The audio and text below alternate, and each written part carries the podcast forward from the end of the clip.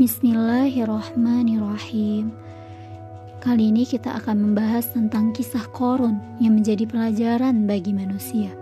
Quran Surah Al-Qasas ayat 76 sampai 82. Di dalam Quran Surah Al-Qasas ayat 76 diartikan sesungguhnya Korun termasuk kaum Musa tetapi dia berlaku zalim terhadap mereka dan kami telah menganugerahkan kepadanya pembendaharaan harta yang kunci-kuncinya sungguh berat dipikul oleh sejumlah orang yang kuat-kuat.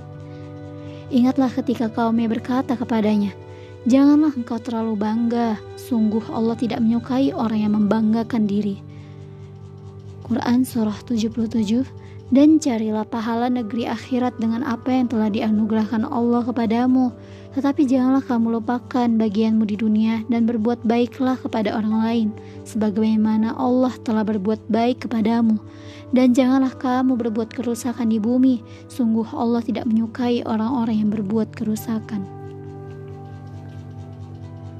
Dia koran berkata, sesungguhnya aku diberi harta itu semata-mata karena ilmu yang ada padaku Tidakkah dia tahu bahwa Allah telah membinasakan umat-umat sebelumnya yang lebih kuat daripadanya dan lebih banyak mengumpulkan harta dan orang-orang yang berdosa itu tidak perlu ditanya tentang dosa-dosa mereka.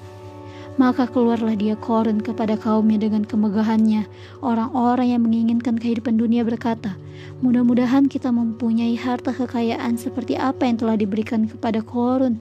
Sesungguhnya dia benar-benar mempunyai keberuntungan yang besar. Quran surah 80. Tetapi orang-orang yang dianugerahi ilmu berkata, "Celakalah kamu, ketahuilah pahala Allah lebih baik bagi orang-orang yang beriman dan mengerjakan kebajikan, dan pahala-pahala yang besar itu hanya diperoleh oleh orang-orang yang sabar."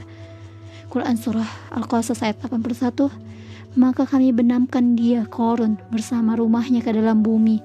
Maka tidak ada baginya satu golongan pun yang akan menolongnya selain Allah. Dan dia tidak termasuk orang-orang yang dapat membela diri. Selanjutnya dan orang-orang yang kemarin mengangan-angankan kedudukannya ia berkata Aduhai, benarlah kiranya Allah yang melapangkan rezeki bagi siapa yang dia kendaki di antara hamba-hambanya dan membatasi bagi siapa yang dia kendaki di antara hamba-hambanya. Sekiranya Allah tidak melimpahkan karunia-Nya kepada kita, tentu Dia telah membenamkan kita pula. Aduhai, benarlah kiranya tidak akan beruntung orang-orang yang mengingkari nikmat Allah. Masya Allah, tabarakallah. Begitu banyak hikmah yang bisa kita ambil dalam Quran Surah Al-Qasas tentang kisah Korun, bahwa kita tidak dibenarkan untuk bersifat sombong, dan merasa harta yang kita dapatkan adalah dari kita sendiri, padahal itu anugerah dari Allah. Semoga kita dijauhi dari sifat seperti itu. Amin. Sadaq.